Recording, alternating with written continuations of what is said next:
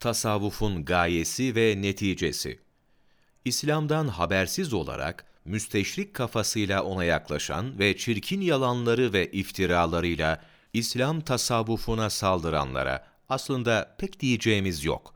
Ancak bir de şeriat adına tasavvufa karşı çıkanlar var ki, asıl sakat görüşler bu tür zümrelerden gelmektedir. Tasavvuf adına getirilmiş bid'atler yok mudur? Elbette vardır. Özellikle son zamanlarda İslam'a muhalif düşünce ve davranışlara sahip olanların uydurdukları bir takım sapık tarikatlar vardır. Ama bunlara bakarak tasavvufun hakikatini reddetmek, papaza kızıp oruç bozmaktan başka bir şey değildir. Şeriat adına tasavvufu inkar edenler, bizzat şeriatın cahilidirler. Tasavvuf, ehli sünnete göre, şer'i hudutları muhafaza ederek Allahu Teala'yı zikirde müdavim olmak ve rıza makamına ulaşmak olarak kabul ve tavsiye edilir. Kulun her hareketinde Allahu Teala'dan bir an bile gafil kalmayarak Allahu Teala'ya devamlı olarak zikretmesidir.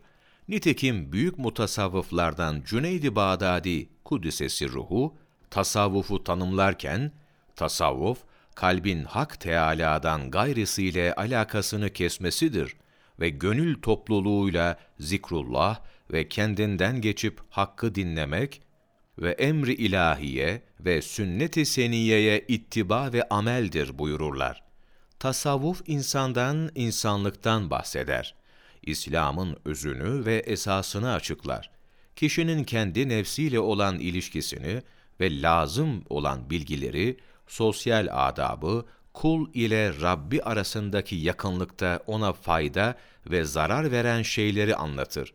İlahi hükümleri kalbe beyan ederken fıkıh ilmine, kalp hastalıklarını ve ruh bozukluğunu tedavi eden ilaçları sunmada da tıp ilmine benzer. Kötü ahlakı ve adi huyları, İslam'ın ışığında fazilete dönüştürmede tasavvuf en iyi bir vesiledir. Gayesi, insan kalbinin ve ruhunun derinliklerine Allah Celle Celaluhu'na yönelme duygusunu yerleştirmektir. Neticesi de Allahu Teala'nın rızasına kavuşmaktır.